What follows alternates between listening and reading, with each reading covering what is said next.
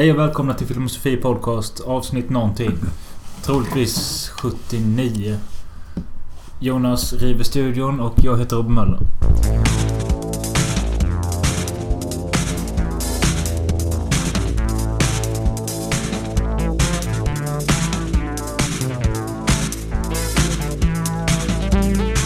Uh, Ja, hur fan ska vi börja? Jag kan ju börja med att säga att... uh, jag har fan haft en uh, underlig vecka ändå. På det sättet att jag har haft eh, konstiga energivågor. Uh, Hur menar du Nikola Tesla? eh, First joke? ja, Var inte den kul? Var inte jag- den lite jag kul? inte. Jag brukar inte komma med fyndiga skämt. Vadå är Tesla känd för att han har... Men Nikola Tesla uppfann glödlampor. Som Nej. är en form av energivåg. Det är Edison som... Nej, han, eh, han kapitaliserade på glödlampan. Ja, Tesla du pratar om är han som är aktiv nu. Med Tesla-bilen och rymdgrejer och skit. I might be wrong about this. Nej, jag vet inte var det kommer min energi men... Ja, vad menar du med energivågor? Jag har känt... Alltså...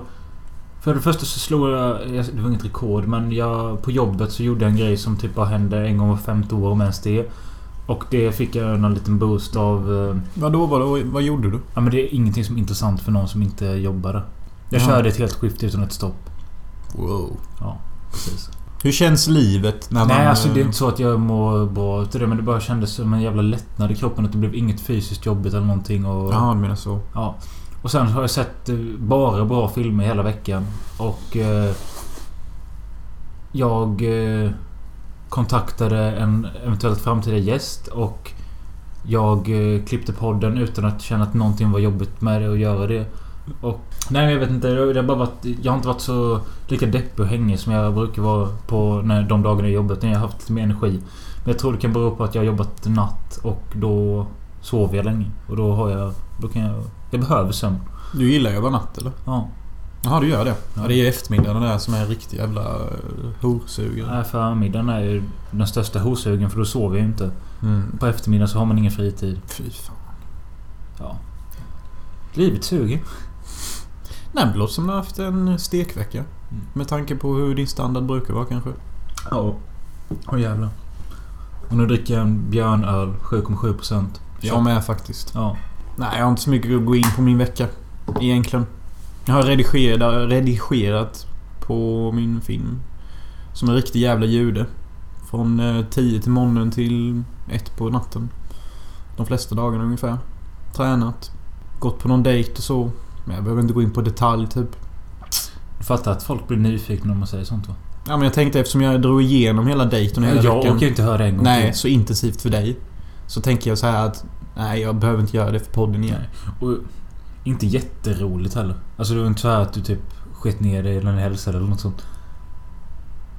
Vad fan snackar du om? Nej men att det, alltså det, ja det...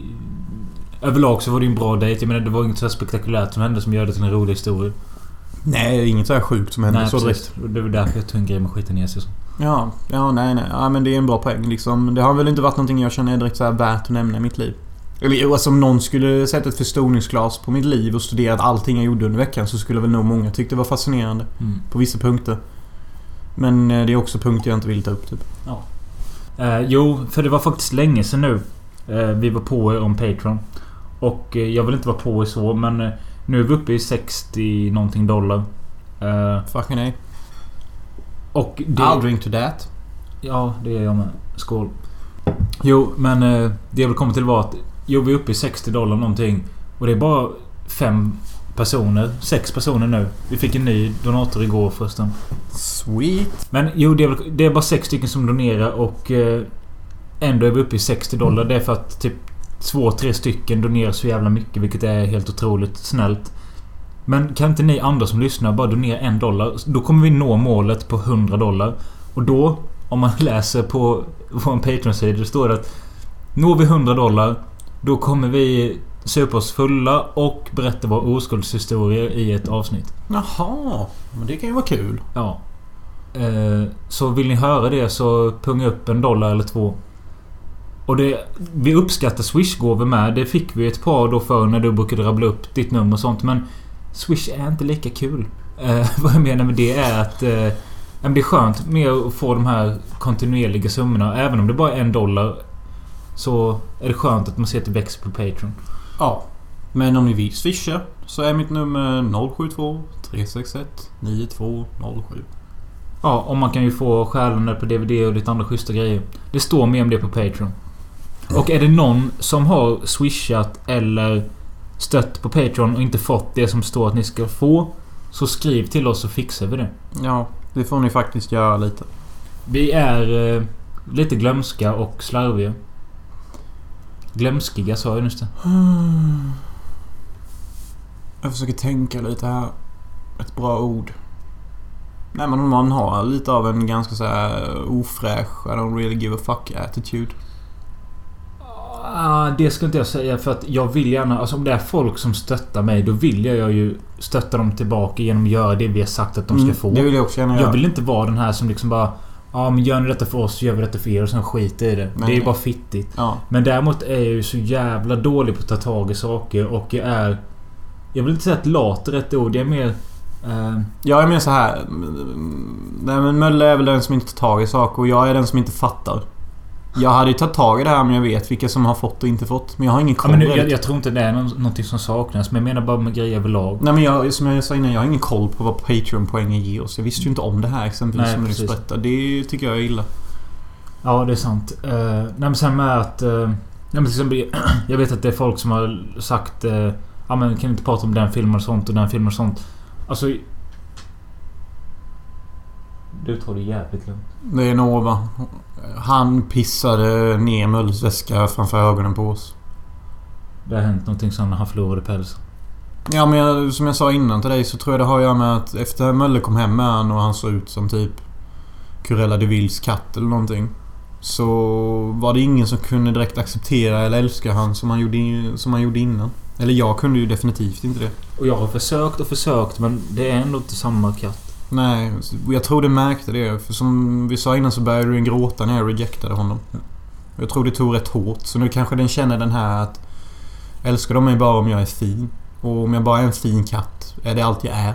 Och därför pissar jag på golvet. Jag får få uppmärksamhet, se hur de reagerar. Hur de är arga på mig börjar de bry sig. Men sånt där gör ju människor hela tiden. Ja. Typ, när de inte känner sig älskade eller osäkra, då gör de konstiga saker för att se hur folk reagerar. För att det enda sättet de tror att människor kommer bry sig om dem. Ja. Och det är precis vad din katt gjorde nu. De är inte så jävla olika, tycker jag, från hur människor är. Ibland. Hade din katt kunnat tala hade han väl säkert sagt typ Tycker ni jag är ful nu eller? Ja, jag vet inte vad jag var med det jag skulle säga men... Eh, vi, är, alltså, vi är tankspridda och eh, dis, di- disträ och ibland har vi inte... Det- jag känner är vårt största problem, inte bara gentemot lyssnarna utan mot oss själva och podden överlag och andra grejer i livet överlag. Det är att vi säger saker som vi båda... Ja, det låter bra och sen så skiter vi. Mm, det händer ju jävligt ofta. Ja. Men alltså så här, jag, jag har både en långfilm jag gör och sen så ska jag snart till USA. Jag har mycket on my mind. Egentligen förstår inte jag varför jag tar på mig fler saker att göra. Nej. Så det blir väldigt lätt hänt att man eh, missar saker. Då kanske det säger så här, ja men då ska du inte lägga på dig så mycket grejer Jonas. Du, du ska slappna av och bara fokusera på din långfilm. Och det har ni ju mycket väl rätt i. Men... eh, Ja. Jag vet inte vad jag ska säga till det. Nej, men sen så är ju podden lite som... eh, Vi själva kan ju styra hur mycket energi vi vill lägga på ett avsnitt. Mm, mm. Alltså det är ju inte jobbigt för oss att ses en gång i veckan och spela in en timme. Men sen så... För att innehållet ska bli någonting så måste vi ju nästan antingen ha gjort någonting kul som är roligt att berätta. Eller se filmer som är roliga att prata om. Och se film och sånt skit, det tar ju lite tid av också. Ja, men egentligen går det rätt fort. Med tanke på att vi, de senaste gångerna nu har vi gjort det ihop och då är det inte lika... Då, då får man det gjort liksom. Ja, vissa filmer kan ju vara bra att se tillsammans. Eh, Så det, sådär. Ja, annars så liksom är väl eh, veckorna som de är typ... eh, Ja, det vill jag säga att fan vad tiden går fort. Jaha, gör den? Ja, alltså... Ja, det är ju för redan mars liksom. Ja, men det är snart slutet på mars känns det som. Mm, jo, jo. Och det var inte länge sedan det var nyår. Nej, tre månader sedan ungefär. Vilket jävla nyår vi hade. Jag tyckte det var alldeles perfekt. För att jag jobbade mest på min film. Jo, men på ett sätt tyckte jag också det var skönt. Men det var också liksom... anti-nyår. Vilket också var kul typ. Jo, det var väldigt anti-nyår. Typ, vi var inte ute och festade. Vi drack knappt. Eh, Jag satt och jobbade på filmen. Med min dator med hörlurar i liksom. Mm. Men eh, det var väl liksom ett statement från min sida detta nyår att... eh, Jag inleder nyåret med att jobba med min film. Boom! Så viktigt är det för mig. Ja. Men jag vet inte riktigt vad du hade för vision. För det nya året. Mm. Det har vi pratat om i Nyårspodden. Vi behöver inte ta det igen. Alltså.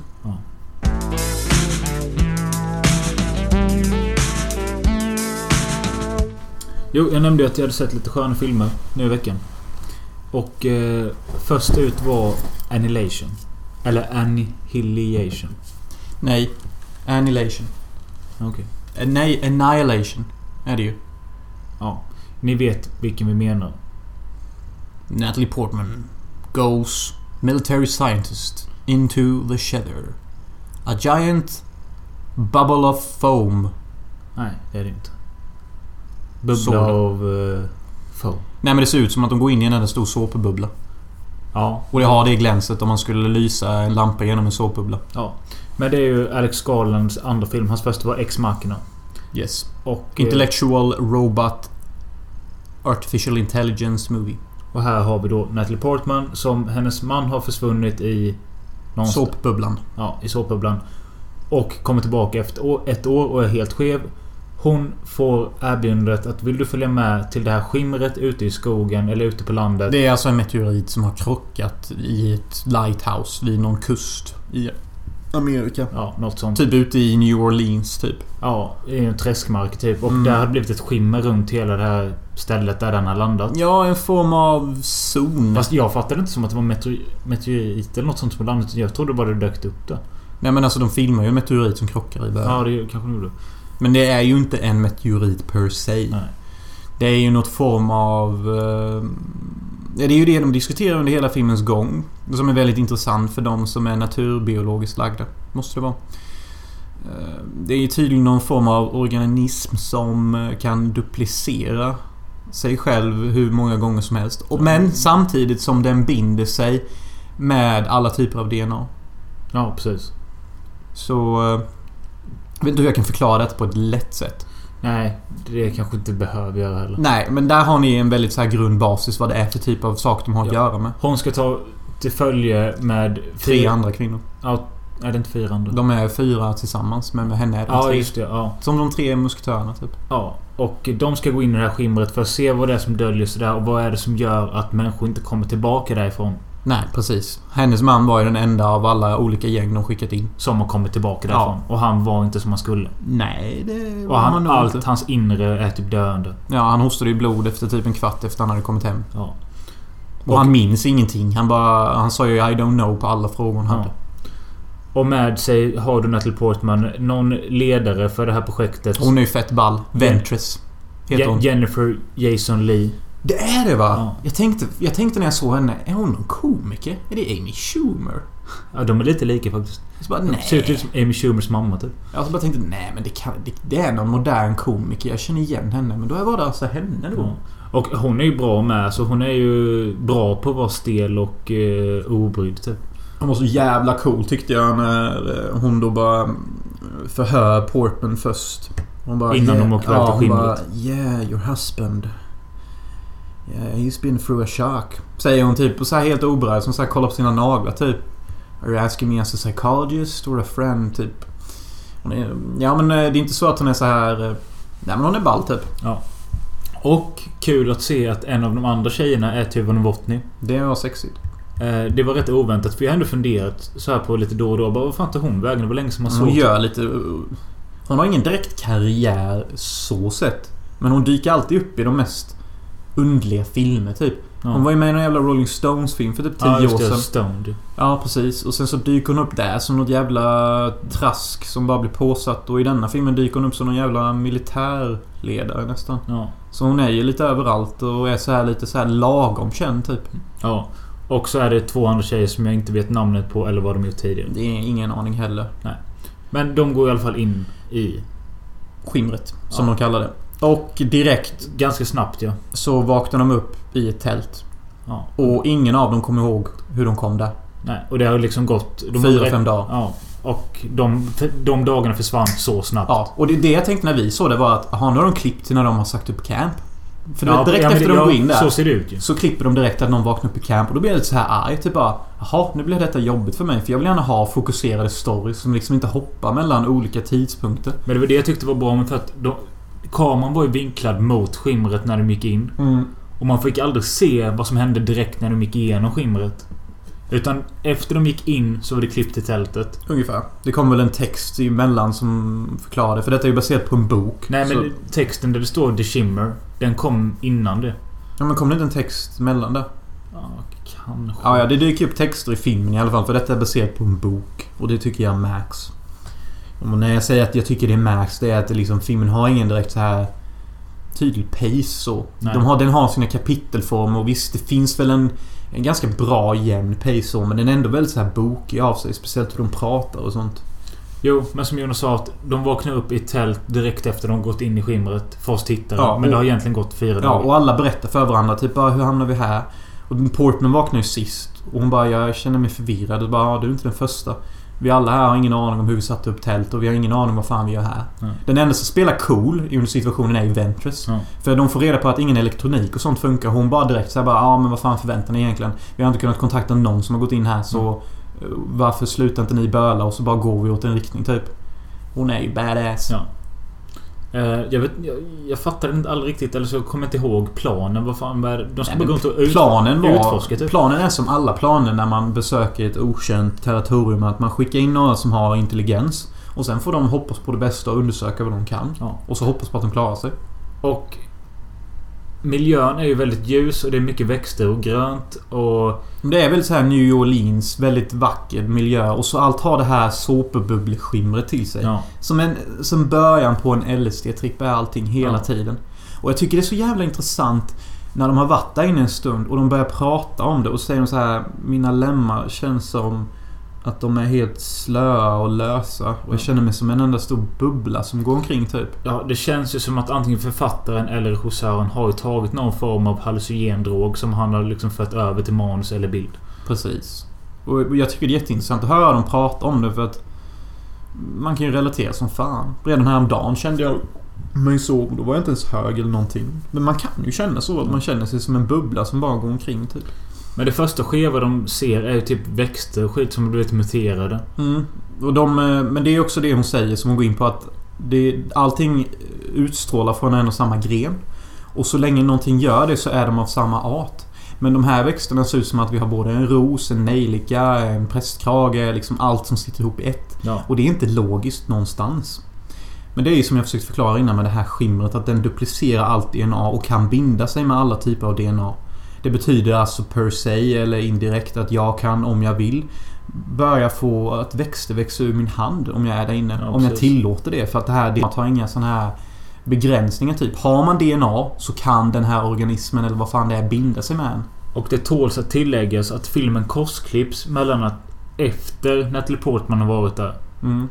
och när hon blev, intervju hon blev intervjuad så frågar de här som intervjuar henne att vad var det för saker som skedde där och var det bara hemskt och så? Det tycker jag är rätt bra som säger att det var ju mycket som var skevt och muterat men man kunde se det vackra i det. Det var mycket som blev fint. Det var ju mycket som var fint. Ja, Det var ju väldigt fint med sån här multi-DNA-mutation.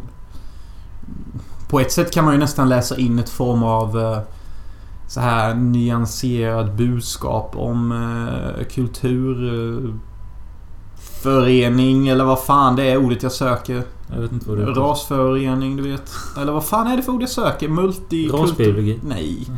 Multikulturellt. Jaha, okej. Man blandar gröten liksom. Ja, jag vet fan. Men det finns ju hot där med. Det första som händer är att en stor jävla alligator eller något som attackerar en Det är tjej. jävligt grymt när de tar ner den alligatorn. Det är rätt cool action. Ja, men det... Ja. Det är fan riktigt Har- sektigt att se Natalie Portman gå ner på knä och meja den alligatorn med det ansiktsuttrycket. Ja, men du kan inte säga att du inte reagerade på CGI. Jag tänker precis nu säga att jag inte reagerade på CGI. Okej. För jag gör inte det längre. Nej. I moved on. Okej. Ja, nej men jag reagerade på att det såg lite... Alltså om man jämför med hur snygg filmen var visuellt sett annars. Så tyckte jag det var lite synd att det kändes som att effekterna ibland var lite billiga. Hur kan du ens säga så i dagens tid? Alltså vi är så vana vid att se fejkad skit hela Ja, tiden. men jag ser ju inte såna filmer så mycket. Nej, det är kanske sant. Ja, Men jag menar bara att förr brydde man sig att saker såg fake ut. Jag gjorde i alla fall. Men nu har jag släppt på det som fan. Liksom... Gör det så mycket att alligatorn inte redigt ser ut som att den Nej, är men det, jag, jag kunde ju bortse ifrån det. Men jag bara ändå reagerade på det. Jo, det kan jag förstå. Och det måste ju finnas en gräns. Ja. Jag såg en film som hette Unearthly igår. Och där hade vi någon jävla spindel som såg hur fake ut som helst. Och det enda som gjorde mig till obehag var hur fake den såg ut. Mm. Så jag tänkte, det är ju riktigt äckligt när den bara klipps fram på det sättet. Men ja, nu kommer jag off. Vi måste vara lite snabba med filmen. Att... Eh, alltså... Ja, okej. vi, vi ska bryta ner filmen lite.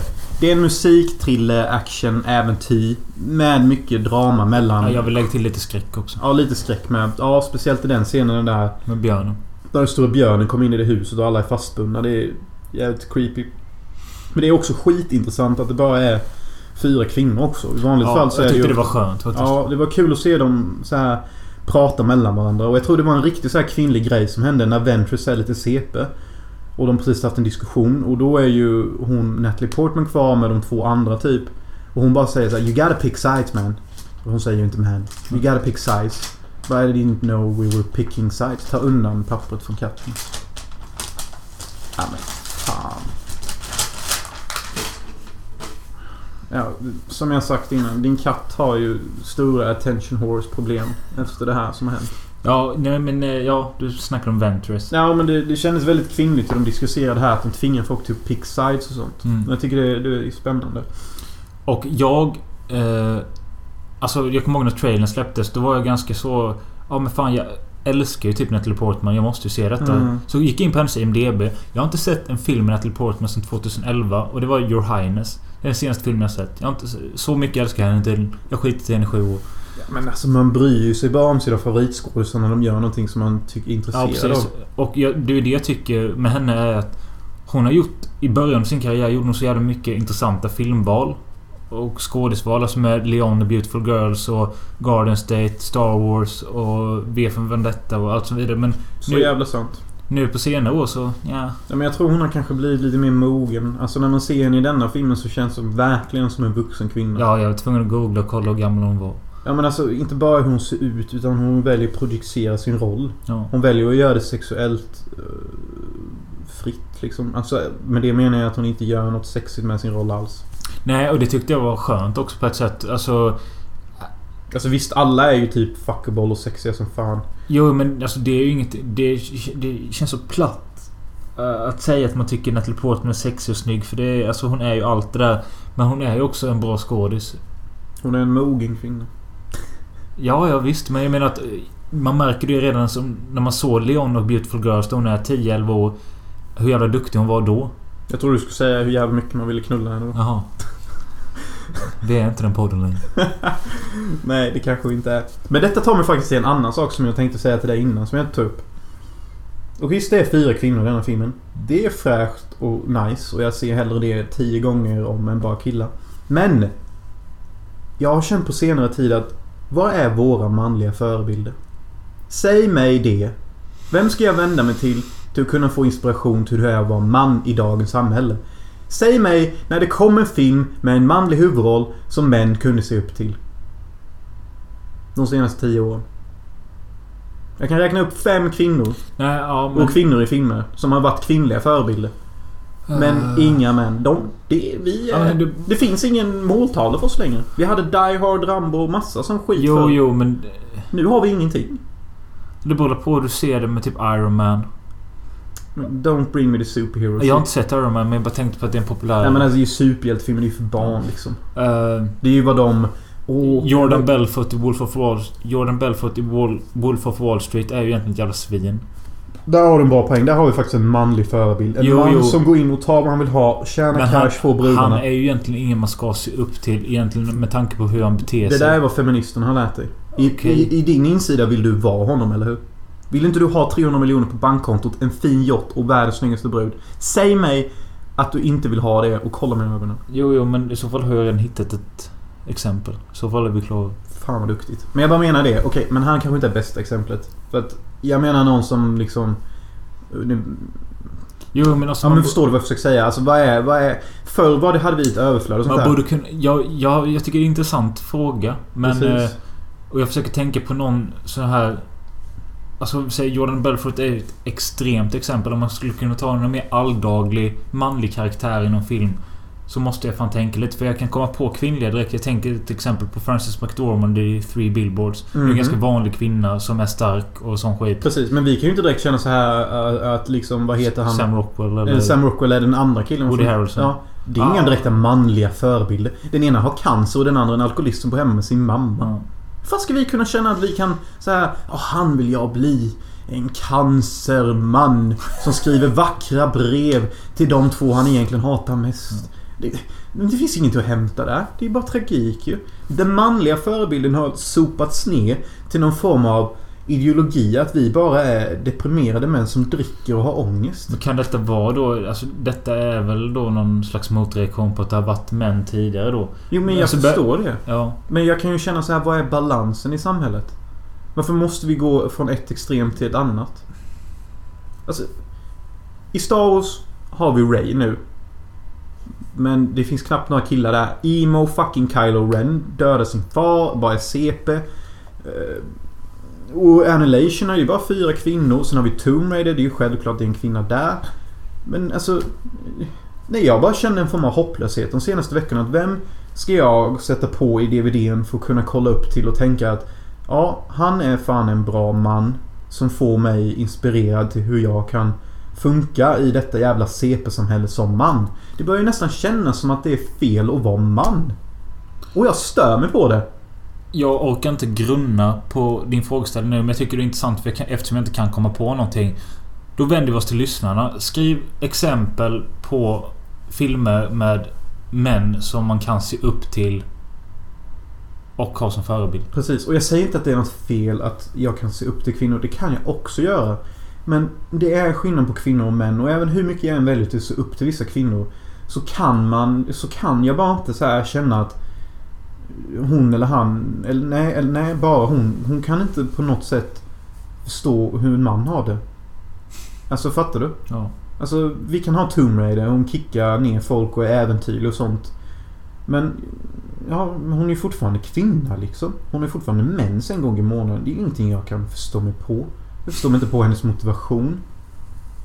Alltså, visst, hon är väl äventyrligt lagd, men liksom... Visst, det kanske låter lite fånigt, men det är bara någonting jag har lagt märke till. Och jag, jag lägger märke till det extra mycket, för kommer du ihåg den här filmen? Vad heter den? eh, Den med Robert De Niro och Anne Hathaway.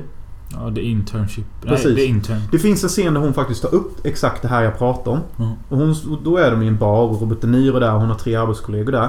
Och så säger hon liksom så här någonting typ bara Vad hände med den manliga förebilden? Vi hade liksom Honey Death Wish, Charles Bronson, alla de här gamla klassikerna. Men vad har vi för män nu?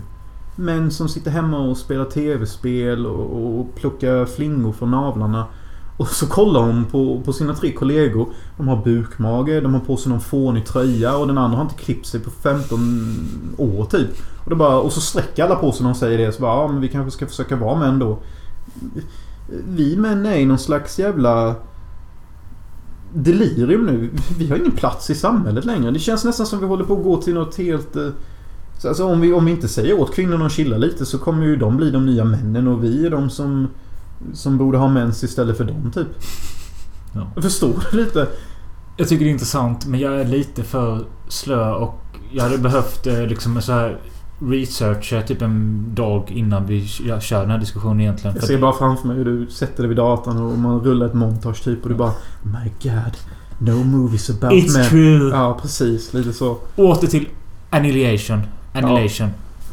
Eh, jo, vi... Ja, jag säger inte så här. Alltså, hade jag gjort en Alienation, då hade jag fan...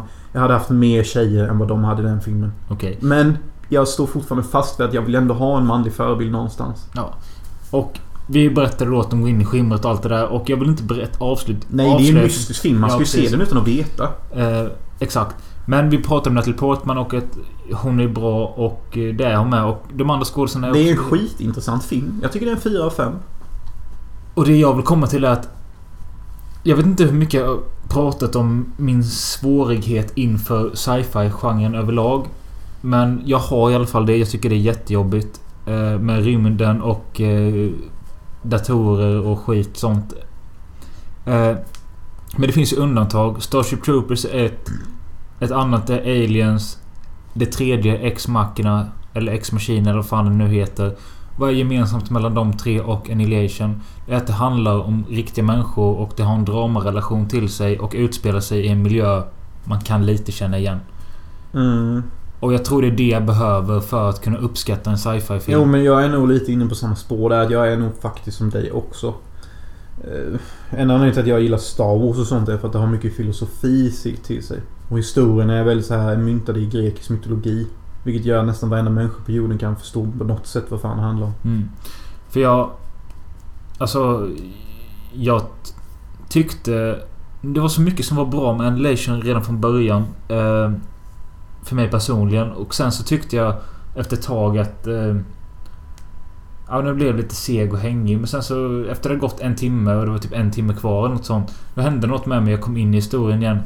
Sen de sista 50 minuterna behöver behöver vi inte ens prata om. Men då blev jag så jävla glad att någon vågade göra så här med en ny film typ.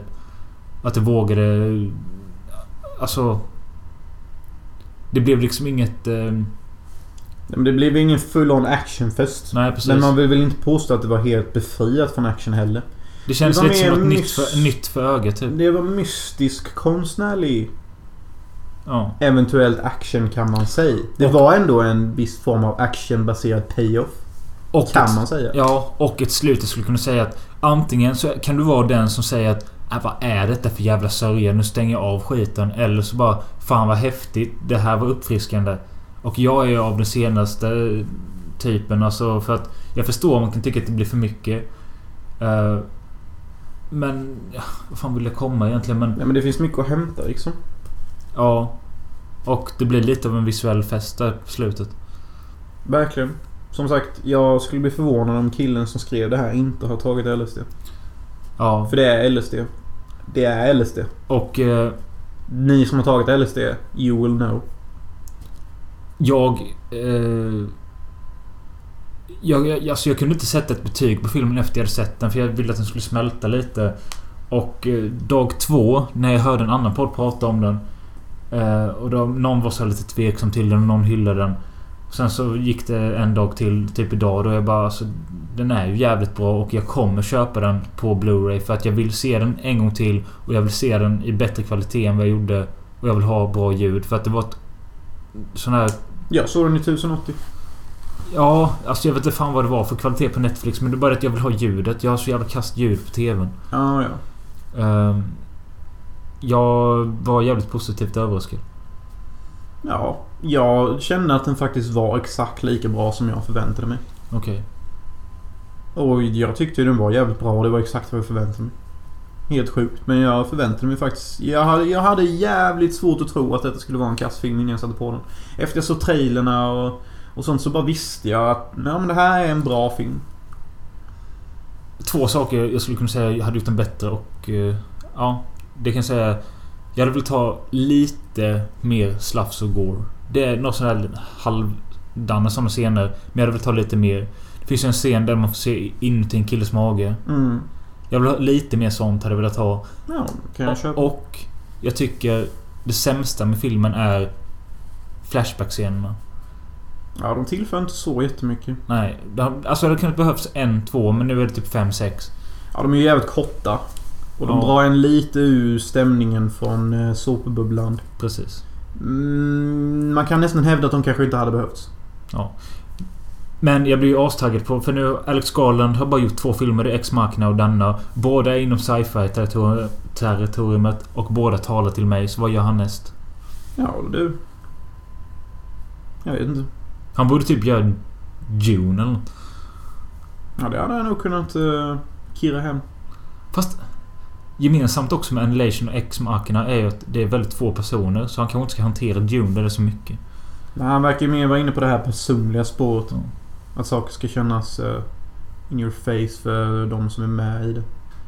Mm. Det kan ju också vara en budgetfråga det rör sig om. Mm. EX Marken är definitivt hans första film. Tråkigt som fan att Annihilation inte fick eh, biopremiär eh, i Sverige. Den fick det på vissa andra ställen. För jag hade fan velat se den här på bio. För det är en så pass visuell film. Mm, men det är ju... Sverige är ett tråkigt jävla filmland. Ja, men det, det, detta gäller inte bara Sverige för att Annihilation gick bara på bio på vissa ställen. Sen släpptes den till Netflix nästan överallt. Mm, det är sant. Men eh, jag står ändå för mitt ord. Ja, ja, Sverige visst. är ett tråkigt filmland. Men då kan jag gå vidare och säga att om Sverige är ett tråkigt filmland så försökte Filip och Fredrik ändra det genom att filmatisera sin bok Tårtgeneralen. Jag heter Hasse P. Nu ska du få höra något som kommer förändra ditt liv. För alltid.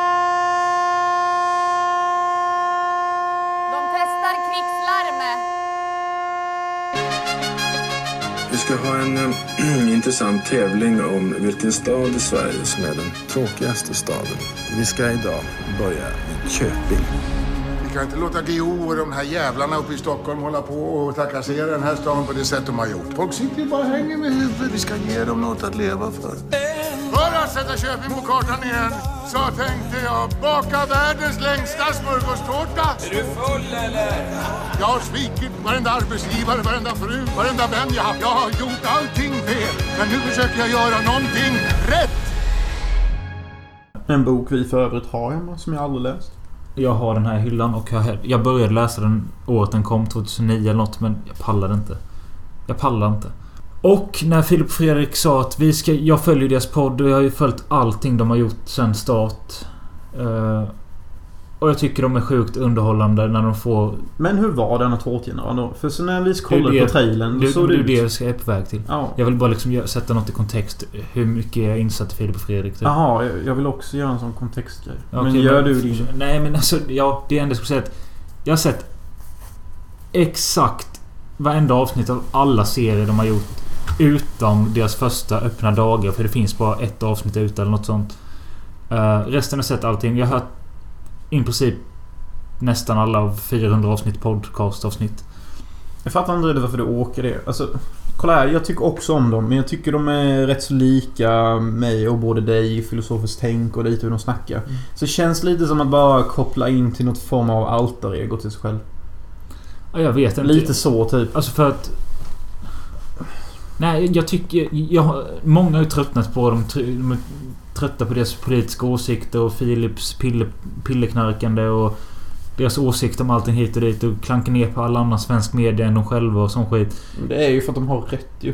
Ja, och, men jag tycker bara att det är någonting med deras jargong som är jävligt underhållande att lyssna på och det är därför man orkar lyssna på poddar och Sättet de poddar på med att dra anekdoter hit och dit och sen ändå komma tillbaka till det de började med. Det är fan jätteintressant och snyggt. Skitsamma, de gjorde Tårtgeneralen och eh, jag var och såg den med min mamma. Eh, det är första gången jag går på bio ensam med min mamma sen... I... Ja, var en andra dejt? Nej men... Eh, nej men hon sa det med att... Senaste gången det bara var jag och hon på bio. Mm. Det var år 2000. Kan du gissa vilken film vi såg? Jävlar. Ja du. Jag vet ju att Patrioten kom då men det var nog inte den. Uh, jag tror jag vi... Jag tror jag sagt det. Ah, vänta, vänta, vänta, vänta. Fyra bröllop på ett fiasko, Adam och Eva. Nej, den var jag med någon kompis. Men jag och mamma var i alla fall såg tillsammans. Tjena, kom den 2000? Eh, så detta var andra gången. Skitsam, det är inget speciellt med det egentligen. Men... Eh, Okej, vad ska jag säga? Jo. Kort om Tårtgeneralens handling. Det är ju att den bygger på Philips uppväxt i Köping. Och ett original i byn som var ett alkoholiserat fyllo som heter Hasse P.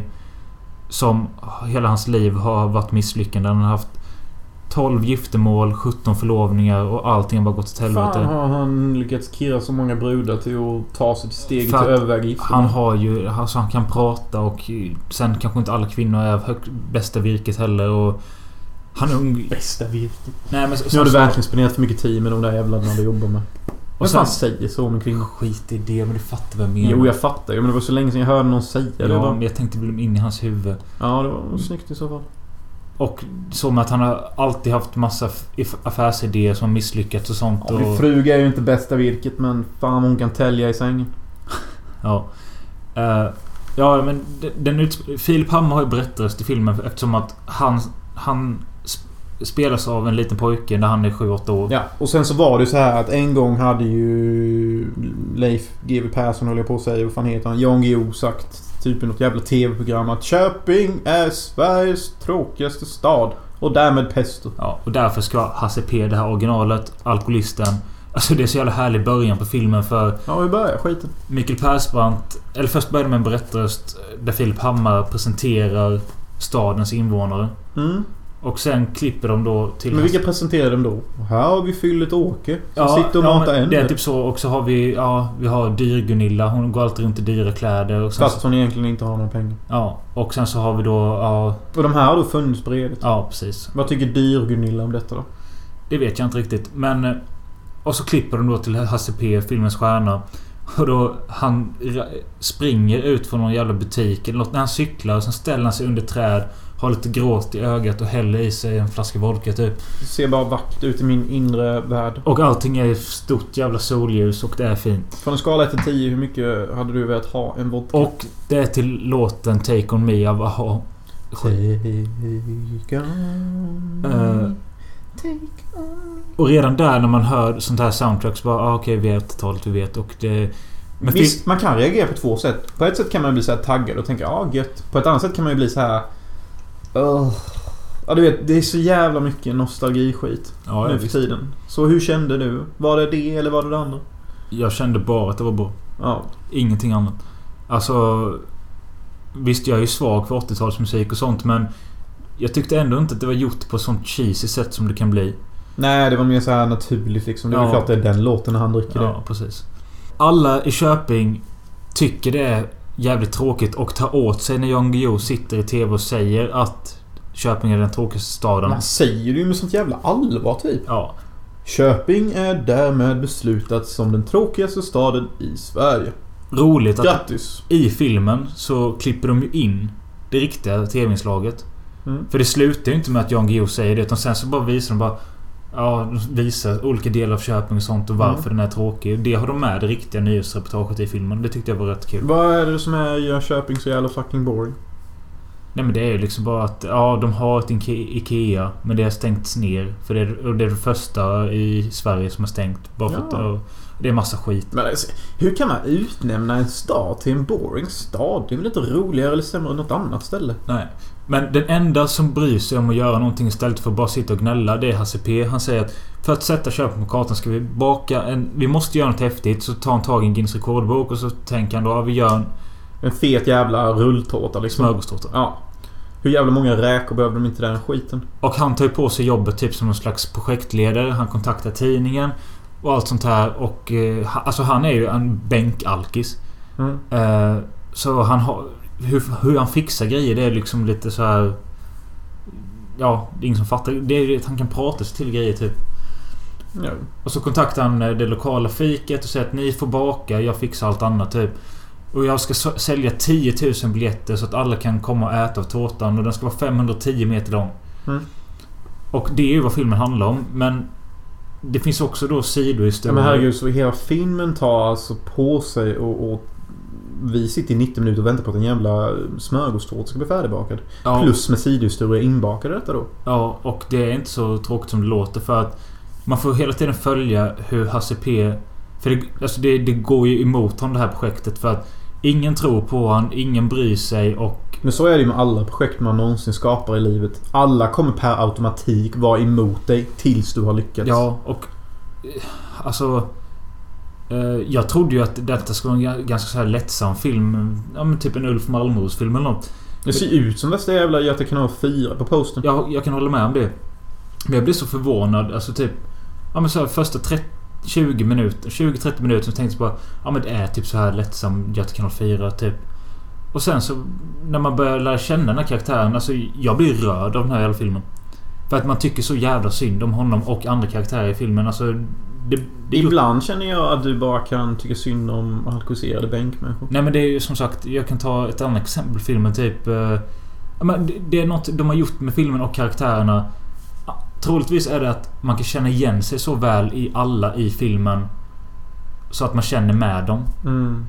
Det finns någon tjej som jobbar på fiket och hennes pappa har, bara suttit vid en vägkant där hans fru körde ihjäl sig i 15 år och inte sagt ett ord. Och nu behöver hon hans hjälp för att baka den här tårtan. Mm. Och han spelas av Thomas von Brömsen som vi kommer återkomma senare till i podden. Ja, ja. Och... Eh, men just eh, Mikael Persbrandts rolltolkning av den här Hasse P är jävligt bra. Eh, Det funkar alltså. och det är så jävla bra mix av rå dramaångest man kan känna in i hjärtat och glädje. Eh, Det är många adjektiv. Mycket känsla är det just nu. ja. Inte så mycket konkret publiken eller lyssnarna kan ta hem till sig. Nej, Ge dem något konkret. jag vet fan vad jag ska säga egentligen mer än att... Eh, det är, en, Är det en 4 av 5 ditt svin? Ja, det är en 4-5. Det är det. Eh, nej men... Det, och i mitten av filmen är det ett... Något som man skulle kunna säga inte passar in i filmen. Det är ett dansmontage till...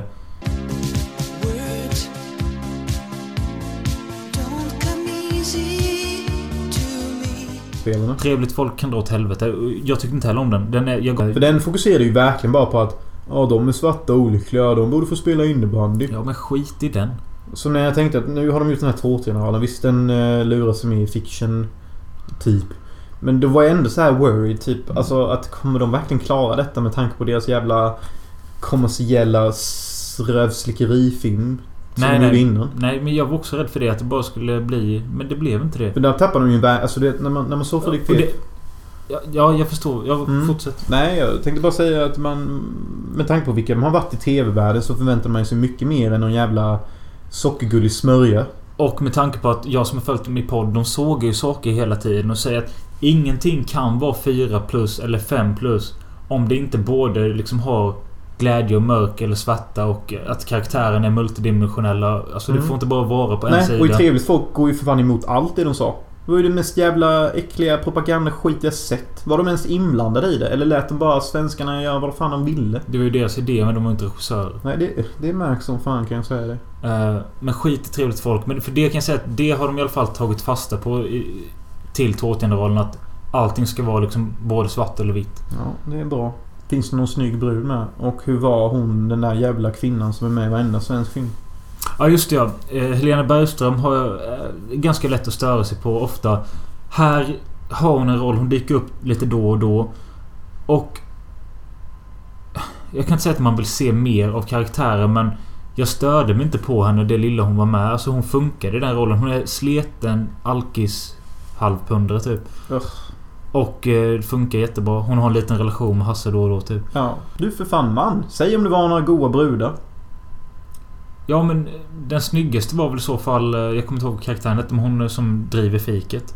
Ja, hon Typ- ser fräsch ut. Rosa klädd va? Ja det är hon nog. Ser såhär jävligt go 80 ut. Tugga tuggummi och skit va? Ja. Men det hade inte behövts. För, den här, Shit. för att man bryr sig inte riktigt om folks utseende i den här filmen. Utan det är mer hur karaktärerna är och vad de har för historia. Eh, Robin Möller goes snäll man. ja, lite så. Eller något sånt.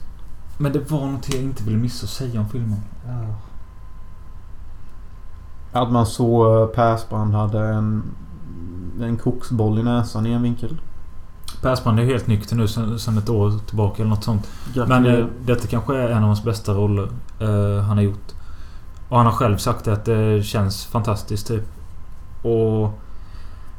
Jag tänker inte avslöja vad det är de har gjort den sista kvarten i filmen. Men eh, jag tyckte det förhöjde filmen jävligt mycket. Ja, men jag är faktiskt lite taggad. Jag ska se den men jag kommer inte lägga pengar på det. Nej. Eh, Så jag ska. och jag, sätter du lägre än en trea? Det tror jag inte. Men sätter du en fyra som jag? Vet inte. Jag har svårt att se mig själv sätta en fyra. Är den bättre än fucking Homer? Eh, Kan man ens jämföra dem? nej. Nej. Eh, Nej men fan det låter som ni ska gå och se Tårtgeneralen om ni inte sett den. Så mycket ja, kan man det säga. tycker jag. Och ni som tyckte tr- trevligt folk var skit, luras inte utav det för detta är något helt annat. Trevligt folk. Fy fan. Ja. Alltså den och hur många lingon det finns i världen. Ner med dem i domedagsberget bara. Jag vet inte. Jag skäms. Jag, jag skäms åt deras begäran. Så mycket kan jag säga. Min mamma trodde inte så mycket på filmen innan. Hon tyckte den var skitbra. Ja. Men din mor har väl rätt bra filmsmak? Ja, och från. Telefon ju. Jag menar hon älskar ju typ såna här moden Erkänn hon älskar Gilbert Grape. Nej. Har lite svårt för Matrix. Ja, det har hon. hon. Sånt ser hon inte. Nej. Hon kan inte se, hon kan inte se filmer med män i långa rockar. Men vad fan är det för någonting? Nej, jag vet inte. Men det är som jag. Jag tror jag har svårt för... höll på att säga fräkna men jag tycker fan det är rätt attraktivt. Jag känner att mitt snack om Tårtjärnrollen blev inte bra. Jag vet inte alls om detta går med. Ja men du gick ju bara in med känslor. Det var ju liksom ingen konkret skit. Nej. Typ den vinkeln eller den scenen. Det var ju liksom bara så här bara... Ja, handla om människorna, alltså, inte hur de ser ut. Det är dramat, det är de personliga historierna. Överlag så är det ju jävligt så här lite för snyggt foto för att vara i Sverige. Men. Eller så man ser liksom att det här... Det, det, det är ju inte filmat som en vanlig svensk film. Nej typ. men det är väl fan bara positivt. Ja. Alltså, svenskarna. Vi lever i ett artfint land. Av någon anledning så väljer vi att inte se det. Vi kör våra närbilder och halvbilder. Hoppas på att storyn förmedlas. Och jag nämnde ju inte att det var en sidohistoria om Philips pappa. Hur han vill bli en mer manlig man. Så att hans son ska tycka om honom. Mm, men det var ju fan precis vad jag pratade lite om innan bara för en kvart sedan typ. Ja. Och det verkar ju tydligen vara någonting Filip har märkt då. Ja. Att liksom... Hur är man en man nu för tiden ens? Och att de har gjort en grej av att det som Filip har berättat om 10 miljoner intervjuer och poddar. Hur hans pappa när han, Filip var 10 år tog han med honom till Salo. Sodoms 120 dagar på bio. Mm. För att visa att det finns en annan... Typ av mänsklighet. Ja, och en annan typ av kärlek eller något sånt. Jo, Och det är med ett litet eh, segment i filmen. Vad kul. Ja. Jag tänkte att när jag, om jag också får en dotter någon gång så ska väl hon eh, få se Salo med kanske. Eller typ Patriopen. Det kan väl mjuka upp henne lite. När ska du lära dig säga det?